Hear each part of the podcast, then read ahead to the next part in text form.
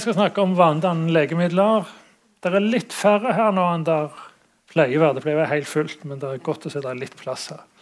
Og Denne gangen også skal jeg gjøre det så kjedelig jeg bare kan. Så Derfor så holder jeg meg til sånn noen ting som Folkehelseinstituttet har gitt ut. Bruk av vanedannende legemidler i Norge fra 2005 til 2013. Hvor de har basert dette på reseptregister. Alle resepter blir registrert i Norge som blir tatt ut. Men jeg bruker litt nyere tall. hvor jeg har nyere tall. Men ellers er det herfra jeg har det. Og så noe som er enda kjedeligere. Helsedirektoratet sin veileder for hvordan man skal forsvarlig rekvirere vanedannende legemidler. Så jeg skal prøve å gjøre dette så saklig som mulig. Og Av vanedannende legemidler så har vi det vi kaller bedøvelsesmidler. altså Generelle anestetika, det man bruker for å legge folk i narkose. De er vanedannende, men man skal ikke bli lagt i narkose så ofte. sånn at det ikke er fare for å bli avhengig, stort sett. Men det fins unntak vi kommer tilbake til. Og så har du smertestillende medikamenter. Eh, sånn som eh, morfin og lignende, som eh, veldig mange er avhengig av, blir avhengig av. Det er fort gjort å bli hekta på sterke smertestillende. Og så har du epilepsimedisiner, som man nå kan bli hekta på. Angstdempende er kanskje noe av det aller største. Eh, medisiner mot angst. Benzodiazepiner er det veldig mange i Norge som bruker. Sovemedisiner er det òg veldig mange som bruker. Det, vi kaller det for Z-hypnotika, Imovanes, Opiklone. Denne typen medikamenter det er veldig mange som bruker. ADHD-medisiner og midler ved opioidavhengighet. Alt dette er de viktigste gruppene av legemidler det går an å bli avhengig av. Hvis vi begynner med bedøvelsesmidler, generelle anestetika, så er det disse som blir brukt i Norge. Tiopental er noe man bruker sånn som gjør at folk sovner inn. Fentanyl er et veldig sterkt smertestillende medikament som man også bruker til eh, generell anestesi. Disse andre er ikke så interessante for oss. Ketamin er litt interessant fordi man har nå begynt Ketamin er veldig populært som et rusmiddel. Eh, og nå er det òg forsøk som pågår hvor man skal behandle depresjon og mani med ketamin. Som er et veldig sterkt rusmiddel òg, så det er litt sånn omstridt. Ja, denne gutten her, han brukte han fikk soveproblemer og søvnproblemer. Han ble stor. Og han var så uheldig at han ble kjemperik, sånn at han kunne ha råd til å kjøpe akkurat de legene han ville. Så Da kjøpte han en lege som ga han i la han i narkose hver kveld. Så det er, ikke, det er, ikke, bra å bli så rik.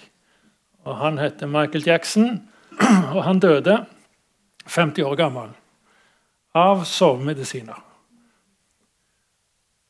Og legene hans Dr. Murray som dere ser her, han ble dømt til fire års fengsel for uaktsomt drap. Fordi han ga han Propofol, som er noe du kun bruker når du skal legge folk i full narkose og operere på dem, eller gjøre andre ting. Det fikk Michael Jackson som sovemedisin. Og så brukte han noe som heter Lorazepam, som er sterkt angstdempende medikament i tillegg.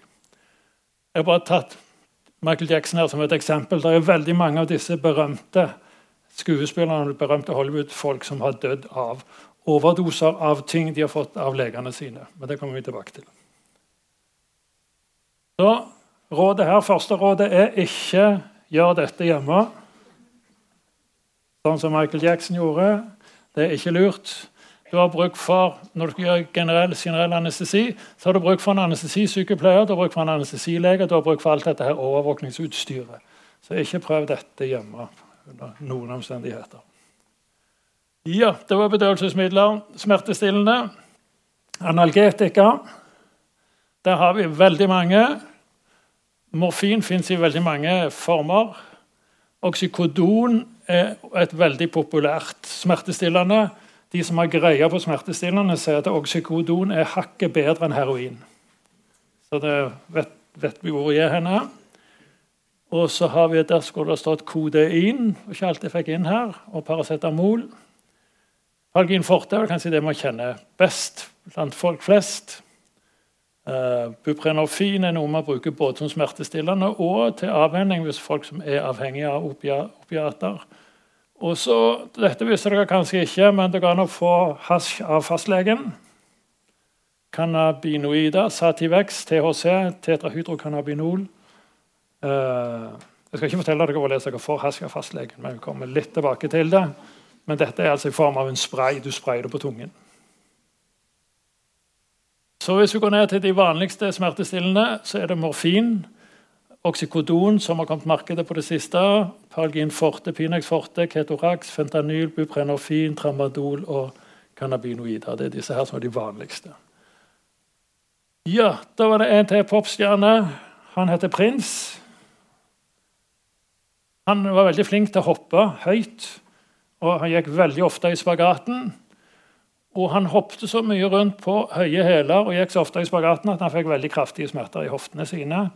Og han ble sannsynligvis operert. Han fikk sannsynligvis nye hofter i 2008. Men disse popstjernene de holder det meste hemmelig, sånn at folk ikke skal vite for mye om det. Så det er litt uklart, alt dette her.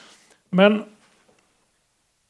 prins, han heter egentlig prins Rogers Nelson. Han ble 57 år gammel i 2016. og Han døde av en overdose fentanyl. Og fentanyl det er hva er det, 100 ganger sterkere enn heroin. Det er jo litt rart, fordi prins han var vegetarianer. Han var Jehovas vitne. Han var avholdsmann. Hvis du drakk alkohol, så kunne du glemme å jobbe for han. Hvis du røykte hasj, så kunne du glemme å jobbe for prins. Han var imot alle former for rus. Men han døde som en narkoman. egentlig. Han døde av en overdose veldig sterke smertestillende medikamenter. Så Hvordan kunne det gå til? Det var jo fordi han fikk det av legen sin. Og når du får det av legen din, så kan det ikke være så farlig. Men egentlig så er det jo sånn at eh, hvis det er opioider og opiater, så er det egentlig det samme om du kjøper heroin på gaten eller om du får det av fastlegen din. At det er bedre kvalitet på det du får av fastlegen din. Men uh, det du kjøper på gaten, kan jo være litt hva som helst. Men ellers er det ikke så stor forskjell. Her har vi overdosedødsfall i USA. Her har du Hvor mange er som dør av en overdose av legemidler? Det er de som dør flest dør av en overdose legemidler. Ut som legene tar livet av flest mennesker i USA. Og så heroin kommer her på en annen plass. Og kokain ligger her. Gjerne minner her om marihuana. Det, den er bare tatt med for å vise at du dør ikke av en overdose marihuana. Neste gang skal jeg snakke om hasj. Ikke overdoser av hasj, men hasj sånn generelt. Men den, den er veldig grønn og fin der. Så her ser det ut som om amerikanske leger er farligere enn alle narkokartellene til sammen. Det er de tallene der vi kommer tilbake til. Det er nyere tall som viser at det har forandra seg litt. Her har du Ja, dette er nyere tall. Her har jeg nesten si heldigvis, her har fentanyl gått forbi alt sammen. Og det var jo fentanyloverdose som prins døde av. Så her har du prescription opioids. Det er de som du får av fastlegen din. De begynte egentlig dette her. I USA så snakker de jo om opioidepidemien. I USA så dør det 50 000 mennesker hvert år av overdose opioider. Eh, det er flere enn alle som ble drept i Vietnamkrigen. Det er flere enn de som døde av aids når aids var på det aller verste. Og det er flere enn de som dør i alle trafikkulykker og alle skyteepisoder i USA per år. 50 000 per år dør av dette. Så det er ganske alvorlig. Det ser ut som det begynte her med at man skrev ut opioider og så når folk ikke lenger fikk det, så gikk de over til heroin. Det ble billigere. Og så her, nå har fentanyl kommet. Og hvorfor har fentanyl kommet? Jo, fordi fentanyl er enkelt å lage, billig å lage. Det tar liten plass, og det er lett å smugle. Så man regner med at det er fentanylfabrikker i Kina, og sånt, og dette er lett å frakte og vanskelig å finne. Spørsmål tar vi til slutt. Beklager, jeg skulle kanskje sagt det med en gang. Det er ikke spørsmål underveis, for de ble aldri ferdig. Vi samler de opp til slutt. Og Her har vi opiumsvalmuen, og vi kaller det som kommer fra opiumsvalmuen, kaller vi for opiater. Men det er egentlig kun to opiater, og det er morfin og kodein. Eh, det som ligner på opiater, kaller vi for opioider, og du kan egentlig kalle alt for opioider. Så her har vi opium, morfin. Og opium, det var var, man oppdaget jo at folk drev på og røykte opium og ble hekta på opium i Kina. Det var sånne egne buler med opiumsbuler hvor folk bruk, røykte opium. Og de spiste det òg til dels, og de ble avhengige av det. Så da ble man veldig glad når man i 1853 fikk lagt nåler, sånn at du kunne lage morfin mer rent og sette det intravenøst. Fordi da skulle man være kvitt alt dette her med avhengighet. Historien er full av sånne eh, feilkalkulasjoner. Men man trodde i hvert fall at det så var en saga blått, når man bare fikk morfin i et lite hetteglass, og man kunne ta en nål nedi, trekke det opp og så sette det intravenøst. Eller sette det intramuskulært. Da var det ikke noe fare for tilvenning lenger. Det viser jo at de tok feil. I 1895 så klarte man å lage heroin syntetisk. Det er noe sterkere enn morfin. og Da trodde man nå i hvert fall slutt med avhengighet på disse her sterke smertestillende. Nå har vi funnet det. Heroin det var jo fordi det skulle være et heroisk stoff. Nå har vi endelig funnet noe veldig stort og godt. Eh, det, ja, det var ikke sånn det heller. Men har vi lært noe av historien? Nei. I 1996 det kom det et nytt stoff på markedet som heter oksykodon. Og de som produserte det, sa at det var 1 sjanse for å bli avhengig av dette fantastiske smertestillende stoffet. 1 sjanse. Og dette var et farmasøytisk selskap. Et riktignok privateid farmasøytisk selskap som solgte dette. her. Og Sjansen for å bli hekta på dette var veldig liten. Og I 2012 så ble det skrevet ut 255 millioner resepter på oksykodon. Det er en resept til hver amerikaner. Og I 2016 så forandra man retningslinjer i USA for forskrivning av sterke smertestillende. Og Etter det så begynte heroin og fentanyl å ta over markedet. Det var også fordi oksykodon ble ganske dyrt, så det var billigere med heroin. og nå er det enda billigere med fentanyl. Og nå er det sånn at 50 000 dør av overdose hvert år i USA. Det er det man kaller opioidepidemi. Her har vi Sackler-familien. De er noen av de aller rikeste i USA tror, Jeg vet ikke hvor langt ned, men det er i hvert fall mange eh, milliarder dollar de har tjent. Og De har et eget firma som heter Purdue Pharma. Og I 1996 var da suksessen begynte. Da solgte de oksykodon og sa at det er bare 1 sjanse for å bli avhengig av dette. Og I USA så har du lov til å drive reklame direkte overfor folk. Og si at dette er viktig. Hvis ikke én er nok, så bare ta to. Oksykontin. Oksykontin har hjulpet han til å leve det livet han gjerne vil ha. Så Sackler-dynastiet her de eier Purdue Pharma. og De er en av de rikeste familiene i USA. og Det er de som sa at oksykodon hadde bare 1 sjanse for å gi avhengighet. Det høres litt ut som jeg henger ut leger her som skurkene. Litt, litt, ja. Men disse her blir saksøkt nå. De, de har blitt saksøkt for 600 millioner dollar. Det kan nok bli enda mer. Men bildet er sannsynligvis litt mer komplisert i USA. Det begynte med oksykodon her. Det var første bølgen, sier man. Man begynte å foreskrive veldig mye oksykodon, sånn at folk begynte å bruke mye smertestillende. Og Så kom det regler her på at man måtte gå ned på foreskrivningen.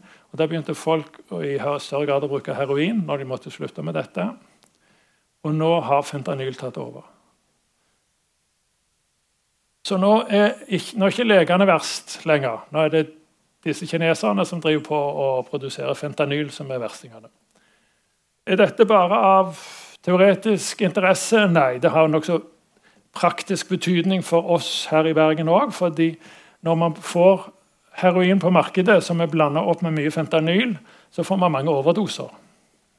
Det merker de spesielt godt i Bakkegaten og sånne steder. At folk tåler mye mindre av den heroinen de får. De, problemet med å kjøpe heroin på gaten er at du aner ikke hva du får for noe. du aner ikke styrken på det. Og Hvis du bare tar litt fentanyl i, så kan du dø av overdose veldig kjapt. Det som skjedde med prins var at han hadde mange tabletter hjemme. Han hadde lagt dem opp i esker hvor det sto vitaminer og eh, Albyl E og sånt, ufarlige medikamenter på. og Når de analyserte disse, disse tablettene, så fant man ut at noen av dem inneholdt oksykodon, noen inneholdt heroin og noen inneholdt fentanyl. Så det var veldig stor forskjell på kvaliteten på dem. Man skulle jo tro han hadde råd til å kjøpe ordentlige, men uh, det var nok noen rundt han som var interessert i å lure han litt, sånn at han fikk tabletter som inneholdt mye fentanyl. Det var det han døde av.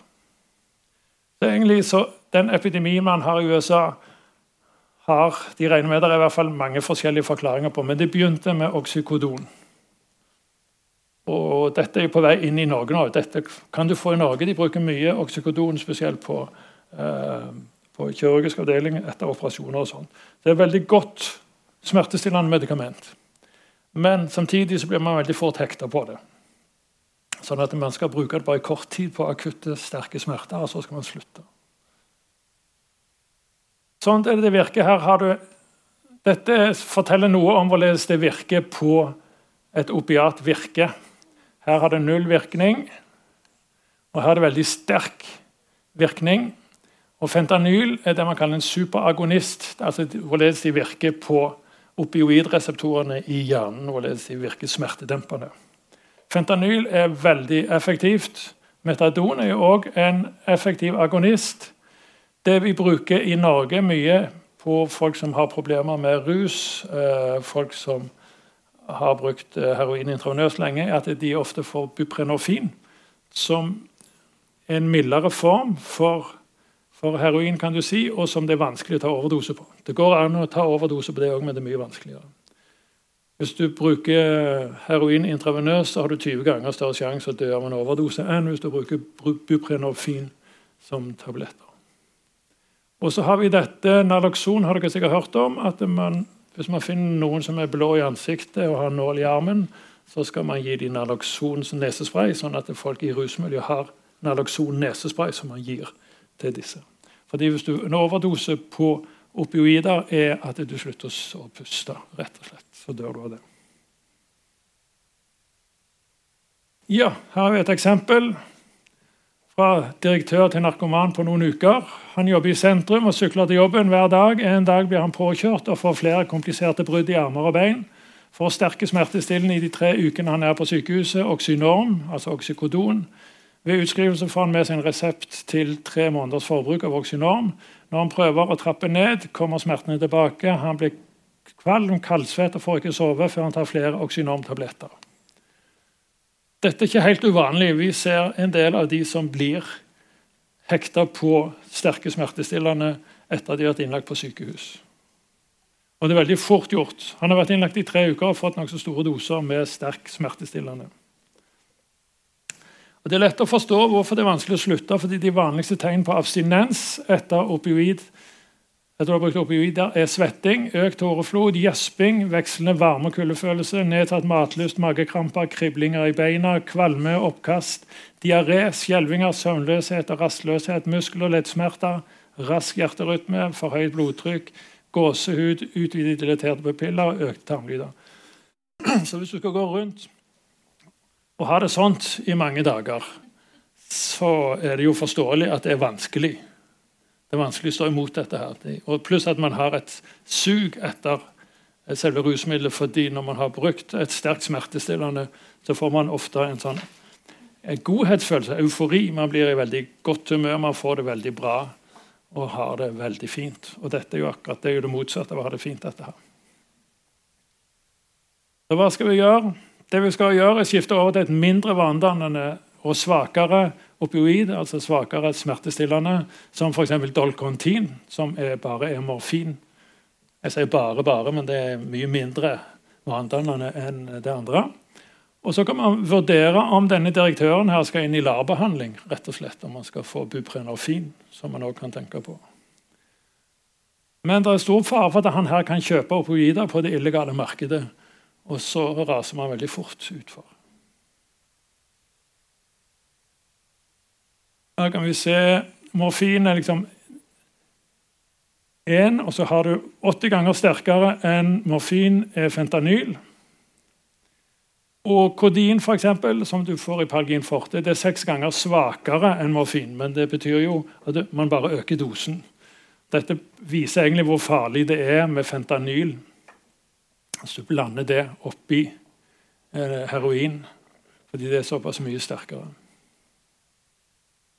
Ja, her har vi egentlig begrepene det vi kaller opiater, og det vi kaller opioider.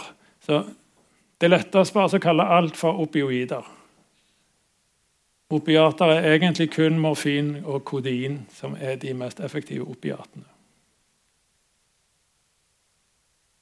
Ja, så er vi plutselig frosset fast i isen rundt Nordpolen. Det var Johan Svendsen sin ekspedisjon til med fram i 1898 til 1902. Han var lege. Ja, Johan Svendsen ble her, ser vi, han ble bare 33 år gammel. Og det, Han døde under denne ekspedisjonen. Og hva var det som skjedde, må en tro? Hvorfor døde han? Det har vært litt sånt mysterier rundt det. men på en måte, Det er ikke noe man skryter av, men det har kommet fram at det han gjorde Otto Sverdrup han var lege, og hvem var de første narkomane i Norge? Det er de som sitter på godsakene, som begynner å smake av de først. Så De første narkomane vi hadde i Norge, det var apotekere og leger. Og Det var mange leger som levde egentlig fint og fungerte fint hele livet sitt. De hadde god tilgang på ren og god morfin, og de hadde rene, fine sprøyter og god kvalitet på varene. og De satte stort sett intramuskulært et par ganger til dagen og klarte seg fint på det. Men når du fryser fast i isen og ikke har med deg nok morfin, så går du tom for morfin før eller siden. Og da valgte Otto Sverdrup Nei, ikke Otto Sverdrup, det var sjefen. Johan Svendsen valgte så å gå ut her på isen og skyte seg. Alle hadde en pistol for å forsvare seg mot isbjørner på med, men uh, han gikk ut for å skyte seg. Det var nok pga. Uh, abstinenser på opioider. Så det er ganske ubehagelig. Dette er tallene fra 2012. Jeg har det ikke fra nå, men det er hvor mange mellom 16 og 79 år som har brukt vanedannende legemidler daglig over mer enn en uke de siste tolv månedene. Og da er det, Når det gjelder smertestillende midler, så har over halvparten av befolkningen brukt smertestillende i én til to uker, eller kortere. Det er ganske mye. Men det mest skremmende her er hvem som har brukt smertestillende i mer enn tre måneder. Da er vi oppe på 25% av befolkningen, altså én av fire. Det er ganske mange. Og Dette er jo medikamenter man ikke skal bruke lenge. De skal man bruke kort tid.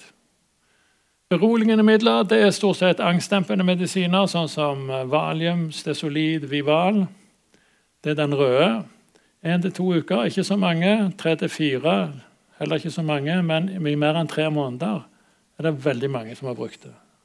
Og Det er òg et medikament man ikke skal bruke i lang tid. Hvis du bruker beroligende midler i mer enn tre-fire uker, så er det fare for tilvenning. Og Hvis du har brukt det i mer enn tre måneder, så har du garantert tilvenning på disse medisinene. Og så medisiner 30% har brukt én til to uker. Og her, mer enn tre måneder, har også 30% brukt det. Da har det òg tilvenning. Så kan si at disse her har det stor sjanse for at det er tilvenning i denne gruppen. her. At de har utvikla De er blitt avhengige av disse legemidlene. Når vi ser på overdosedødsfall i Norge Dette er ikke tallene, det er bare prosentandel. Eh, så var det sånn, Hvis det bare 2006, så var det heroin som var den vanligste årsaken til overdosedødsfall. Det har gått ned. Mens legemidler Morfin, kodin, oksykodon, det du får av fastlegen sin, din, det har gått opp her. Så nå er det det du får av legen din, som gir flest overdosedødsfall i Norge. Metadon her er litt på vei opp. Men det er jo skummelt her at det er heroin som årsak til overdosedødsfall er på vei ned, mens legemidler er på vei opp. Det vi mener når du skal behandle smerte, er at man har det man kaller sånn smertetrapp. At du begynner med Paracet. Hvis ikke det er nok, så begynner du med kodin og Paracet, altså Palgin forte, Pinex forte. Og hvis det ikke er nok, så bruker du morfin. Og Her anbefaler de det som jeg ikke vil anbefale, fentanyl oksykodon, men du kan også bruke bare morfin. Og Dette er den anbefalte bruken. Pluss at dette skal være i kort tid. Man skal ikke bruke dette lenge. Ja, det var smertestillende. Og så Vanedannende legemidler ellers, epilepsimedisiner. Det er ikke så mange av de som er vanedannende. Fenobarbital, fenomal, barbiturat var veldig populært før som sovemedisin, men det var et veldig farlig medikament både pga. fare for tilvenning, men òg fordi um, forskjellen mellom det som var effektiv dose og dødelig dose, var veldig liten. Det var ikke så stor forskjell på hva som var god, god rett dose og hva som var dødelig dose. så det var veldig skummelt å ta. Klonazepam kommer vi tilbake igjen til. Det er ekstremt populært blant folk som har alvorlige rusproblemer, fordi det er et av de kraftigste benzodiazepiner, altså nervemedisiner, altså angstdempende medisiner. Fenomal bruker vi stort sett ikke nå. Men siden vi har vært i Hollywood, så kan vi ta en tur til der. Marilyn Monroe hun døde av en overdose barbiturat, altså sovemedisin. Men Marilyn Monroe gjorde som så mange andre, at hun kombinerte det med ting man ikke skal kombinere det med. Lovlige midler som øker faren for overdose, sånn som alkohol. Det er nok en kombinasjon av flere ting hun døde av. Ja, Så vi over på angstdempende medisiner. Det er veldig populært. Diazepam det er stesolid valium vival, som er veldig populære i vårt land.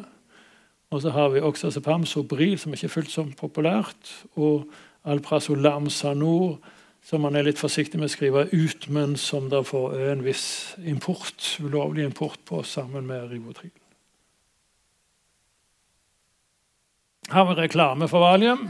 Søte, oppfriskende valium når benektning er det beste alternativet. Må jeg få lov til å si, Denne er ikke helt ny, denne reklamen. Den er litt, litt gammel. Men eh, hvis du egentlig har det sånn som her, du egentlig er trist og lei deg, mens du egentlig har lyst til å se ut sånn, så er valium fine greier. Og det, er jo nesten sant, fordi ved depresjon så er det mye angst. Og valium tar vekk angsten. Men eh, det er ikke løsningen på problemet. Disse ble jo også kalt for mors lille hjelper. Mother's little helper. Som, det var vel Beatles som sang om dem. Ja, Det kom på markedet i 1963 og var det mest solgte medikamentet i USA fra 69 til 82. Og det, ikke, det ble sendt som ikke vanedannende, og det ble ikke vanedannende før i 1972. Så de fikk solgt det ganske lenge før det ble vanedannende. Det òg ble markedsført som et medikament du bare kunne bare ta uten å være fare for at du ble avhengig av det på noen måte. De som har alvorlige rusproblemer, de vi kaller narkomane, de kaller dette for nøtter fordi du spiser det som nøtter. Og Her har vi Leo Sternbach. Det var han som fant opp valium både Librium, som kom før, og Valium var litt mer potent. Men han likte ikke å bruke disse tablettene sjøl, fordi han sa han ble litt, ble litt deppa av å ta dem, rett og slett. Så. Selv om han eh, fant de opp og var med på å selge dem, sånn, så likte han de ikke sjøl. Men det var mange andre som likte de. Ja. Så da kan vi egentlig bare si at Alle benzodiazepiner er vanedannende ved daglig bruk over uker. Eh, er det en god grunn til å bruke valium? Ja, man kan bruke valium i store doser i kort tid. I forbindelse med narkose, i forbindelse med mm, hvis folk får kraftige abstinensreaksjoner og nesten får delir, altså ved alkohol. Abstinens, alkohol, delir og andre delirtilstander med mye uro. Hvis folk bruker amfetamin og blir veldig utagerende og urolige, så kan man bruke valium. Men det er i høye doser i, i, i, eh, i kort tid. Og så må man trappe ned. Her har vi salget av forskjellige legemidler i Norge fram til 2014. Angstdempende medisiner her er den blå. Og Der har vi fått ganske bra kontroll. Det har gått nedover, så det har ikke tatt av. Så vi har egentlig god kontroll på dette her i Norge. Eh, det er vel litt forskjellige meninger om hvorfor det er sant, men én ting er jo at man i 2010 fikk strengere regler for hva du kunne bruke av denne typen medisiner, og samtidig beholde førerkort for bil. Da ble de veldig strenge på det. Veldig klare krav til hvor mye du kan bruke av benzodiazepiner. Og Her ser vi antidepressiva har økt voldsomt. Fra 10 til 60. Så som Nordmenn har blitt seks ganger så deprimerte her i løpet av nokså kort tid. Men det er nok fordi man bruker antidepressiva òg på angsttilstander, angst- og tvangstilstander. Og Sovemidler det er jo disse som vi kommer til nå snart. De, uh, her var det noe her hadde vi et sovemedisin som heter Halsion, og det var en god del eh, trøbbel rundt det. Det ble trukket fra markedet. Det var en del veldig uheldige hendelser. At folk gjorde ting etter de hadde inntatt Halsion, som gjorde at det kom i veldig vannrus og gikk salget av sovemedisiner ned. Og så kom disse nyere på markedet her, og så har salget egentlig økt ganske kraftig. Igjen dette med beroligende Valium først og fremst over 40% har brukt det i mer enn tre måneder daglig. Da er det en eller annen fastlege som ikke helt har gjort som han skal. Jeg sier fastlege her fordi 80-90% av alle vanedannende medisiner blir skrevet ut av fastlege. Det er ikke for å være slem med fastlegene, det er sånn statistisk sett så er det de som skriver det ut. Og det skal vi behandle angst, egentlig. Hvis vi ikke tror på reklamen, så må vi finne en annen tilnærming. Og det er, det, Angst behandles best med kognitiv terapi uten bruk av medikamenter. Man kan bruke valium i korte perioder ved veldig invalidiserende angst, men ikke på, på angst som varer over lengre tid. Ja, Da har vi en historie her om en dame som jobber på et kontor hvor hun mistrives og gruer seg for å gå på jobben hver dag. Sover lite, Grubler mye omkring konfliktene på jobben, bor alene, lite kontakt med familie, få venner, er redd for å ta buss og engstelig for å gå i butikken. Går til fastlegen og får valium. Dette går bedre i noen uker, men så må hun øke doseringen for å få samme virkning. For det er økt dosering hos fastlegen, som samtidig sier at han ikke vil øke doseringen ytterligere. Igjen går det bedre i noen uker, men så kommer angsten og søvnvanskene tilbake. Det er nokså typisk ved vanedannende legemidler at de har god effekt i begynnelsen, men etter noen uker så forsvinner effekten, og man må øke dosen. Det er litt sånn som med brennevin. Hvis du drikker brennevin hver dag, så må du øke dosen for å få samme effekt. Det råder vi heller ikke folk til. Det er noen som kaller dette for tørrsprit. Altså valium og den andre, fordi det virker veldig mye som alkohol. Det demper angst.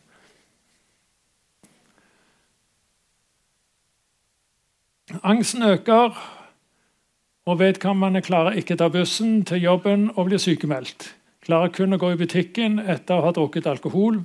Blir sykemeldt fra jobben, og fastlegen planlegger nå å trappe ned på valium. Inntak av alkohol øker i takt med at diazepam reduseres. Det er nokså typisk at man erstatter eh, diazepam eller benzodiazepiner med alkohol fordi det virker mye på samme måten.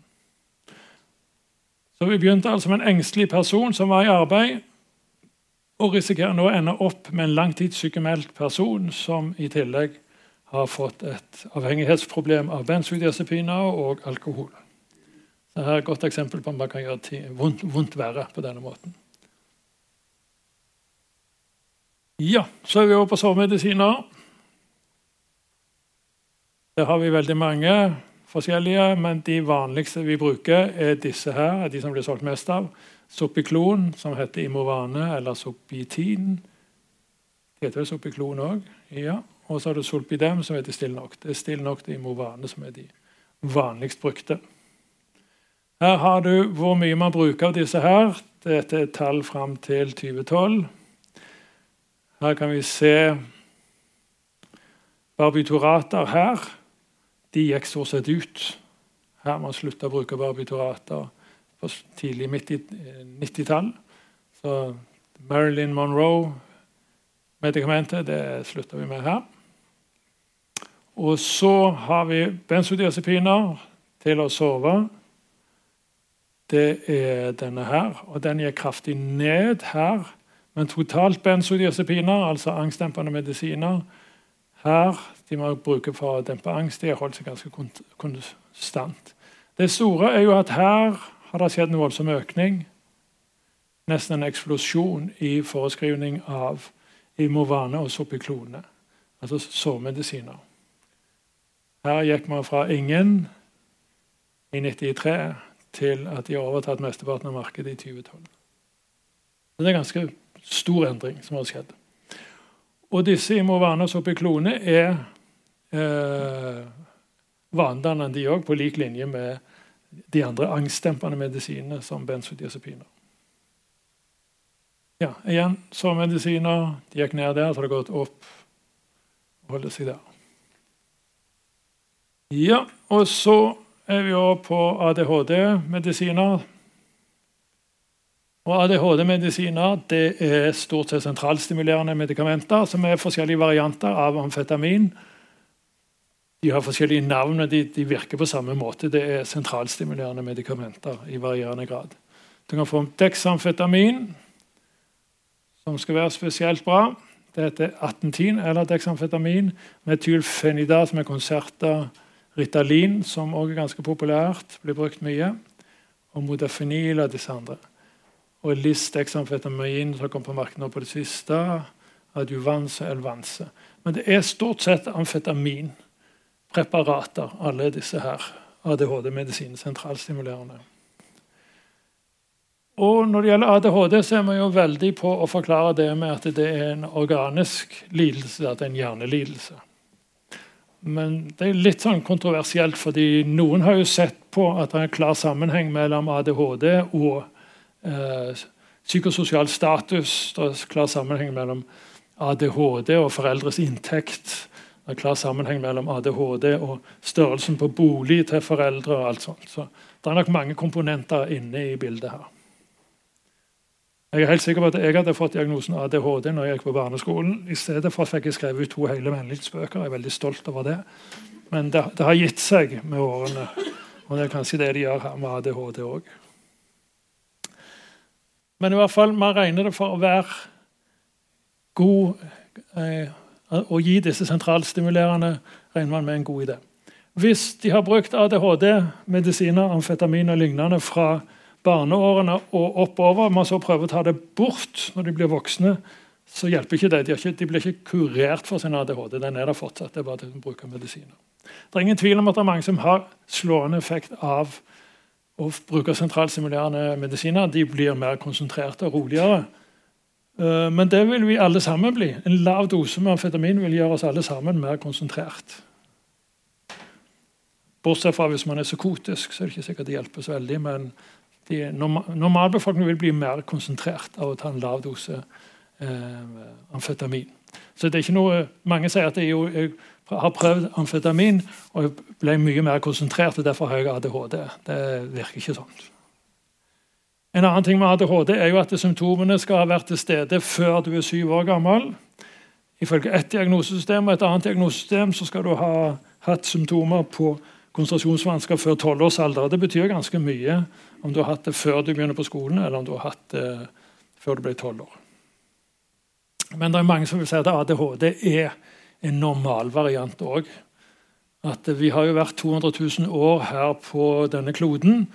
Og før så gikk vi jo rundt i skogen og jungelen. og sånt, og Da var det jo lurt å holde oppmerksomheten litt sånn, Ikke se bare på et sted foran deg, men også se til siden og sånt, i tilfelle det kom noe sabeltanntigre eller bjørner eller noe sånt og skulle spise deg. så der var det lurt. I dag så skal vi jo helst sitte helt rolig og lese i en bok. Det er jo helt unaturlig for oss. Så det er kanskje litt ja.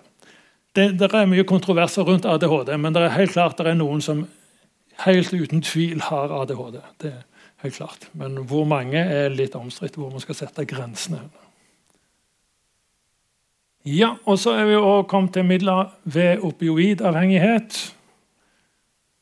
Og Der har vi buprenorfin, Subutex, som er et sterkt opioid som man bruker til folk som er avhengige av opioider, fordi det er vanskelig å ta en overdose på buprenorfin.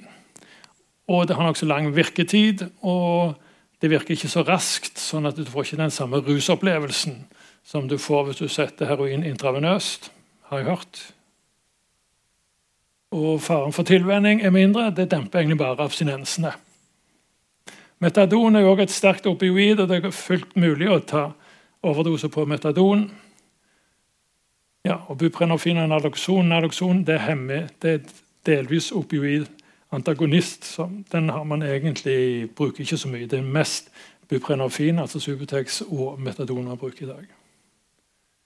Igjen, buprenorfin ligger her. Den er bare en delvis den mye svakere smertestillende effekt og det som jeg ikke viser her, er at det, den virkningen begynner ganske langsomt og varer ganske lenge.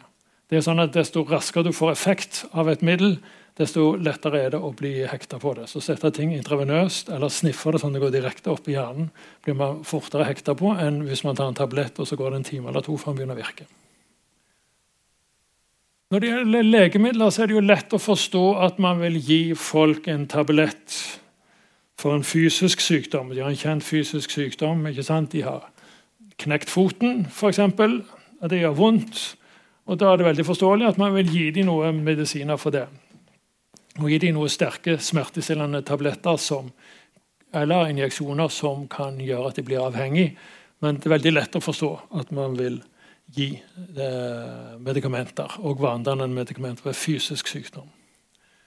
Ved psykisk sykdom er det òg lettere forståelig kanskje hvis man er plaget av mye angst. At man så vil gi folk angstdempende medisiner.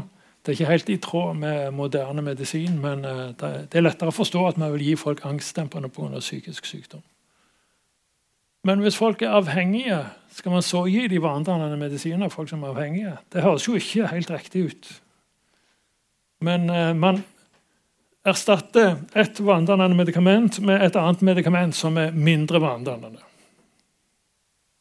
Dette er bare siste eksempelet. Dette er ikke noe jeg har funnet på. Dette er fra den virkelige verden. 34 år gammel mann legges inn fra legevakten grunnet selvmordstanker. Forteller at han nettopp har flyttet til Bergen for et par uker siden og har ikke fått fastlege enda. Opplyser at han har multiple sklerose med mye smerter og angst. Han har også ADHD. Forteller at fastlege gir han sterke smertestillende, oksykodon og THC, THC er godkjent for eh, behandling av smerter ved multiple sklerose. Og han får angstdempende medisiner, diazepam for MS-en og sentralstimulerende medisiner, dexamfetamin for ADHD-en. Vi får ikke lov av pasienten til å ringe til tidligere fastlege fordi han mener seg feilbehandlet tidligere. Han har en dårlig relasjon til de som behandler han før. Så hva skal vi gi han for noe, da? Han vil gjerne ha oksykodon. Det er det samme som heroin.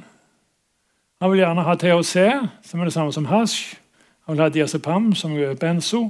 Han vil ha dexamfetamin, som jo er amfetamin. Det er det vi på fagspråket kaller fullt hus. Der har vi alt. Det er ikke så mye mer gøy du kan ønske deg enn dette her. Og Hvis du så til og med kan få det av fastlegen din, så er jo det alle tiders. De fleste må jo kjøpe det på det illegale markedet. Så når han kom til meg, så trodde ikke jeg på han. Jeg trodde at uh, det er et eller annet her som ikke stemmer. Og Det vi kan sjekke opp her, er jo MS, fordi diagnosen MS får du kun hvis du har tatt sånn magnetomograf av hodet, og de har sett spesielle funn. Og de har tatt en ryggmargsprøve som også viser helt spesielle ting. Så det er en diagnose som vi kan kalle fast fisk. Det, det, det kan vi faktisk avgjøre om du har det eller ei, med objektive mål. Men dette andre tingene, han har ADHD, det er ikke så lett. Og at han har angst og smerter, det er heller ikke så lett å si noen ting om. Men han nekta oss å ringe og undersøke. Men vi gjorde det likevel. Kanskje ikke helt lovlig, men uh, det er Helsepersonell som behandler en pasient, kan uh, utlevere nødvendig informasjon seg imellom. Og Om man har MS eller ei, er jo nødvendig informasjon, tenker jeg. Dette må vi finne ut av. Fordi Hvis han ikke har MS, da ryker jo oksykodonen, da ryker jo heroinen og hasjen og den der. Og så er det jo amfetamin som står igjen hvis han har en ADHD. Så hva har vi å hjelpe oss med? Jo, vi har noe som heter E-resept. Vil vi i Norge få en opioidepidemi sånn som de har hatt i USA? Jeg tror det er mange grunner til at vi ikke får det. Og E-resept er et av de få dataprogrammene jeg er glad i. Jeg er så gammel at jeg ikke er spesielt glad i datamaskiner, men E-resept syns jeg er genialt. E-resept er et nasjonalt register over alle resepter som blir skrevet ut. Og når leger skal ordinere medisiner til pasienter, så må de legge dem inn i e-resept, som er et eh, landsdekkende register. Så kan du gå på hvilket som helst apotek og ta ut medisinene. Og jeg kan gå inn der og se hva andre leger har skrevet ut. Nå jobber jeg på psykiatrisk akuttmottak, så jeg behøver ikke være populær. Altså, vi er veldig populære. Det er veldig mange som kommer der, så jeg behøver ikke være populær. Sånn at Hvis jeg ser det er en eller annen lege som skriver ut litt for mye medisiner som han ikke skulle ha gjort, så tar jeg og sender melding til fylkeslegen. Veldig raskt. Eller jeg har nok venner, jeg behøver ikke få flere venner. Så På e-resept så kan du se hva som er skrevet ut, og hvem som har skrevet det ut til dem. Og Der kjente jeg igjen noen navn, og så ringte jeg til de og hørte. og De hadde vært litt i tvil, men han hadde jo påstått at han hadde disse sykdommene. Hadde dere sjekket opp at han hadde vært under? Så nei, de hadde ikke det. Han har bare vært på kontoret mitt én gang. Og jeg syns litt synd på han, så han fikk det. Da ringer jeg ikke til fylkeslegen. Men hvis de har samme legen har over lang tid skrevet ut disse tingene her til denne mannen, så tar vi kontakt med fylkeslegen og sier det er uforsvarlig foreskrivning av legemidler, og anbefaler at de ikke lenger får lov til å skrive ut legemidler. Og Det er grunnen til at jeg tror vi ikke kommer til å få en opioidepidemi i Norge. Og jeg tror dette er genialt med å ha et nasjonalt register som er fullt transparent. Ja, det var det. Da var klokken blitt to minutter over syv, og takk for oppmerksomheten.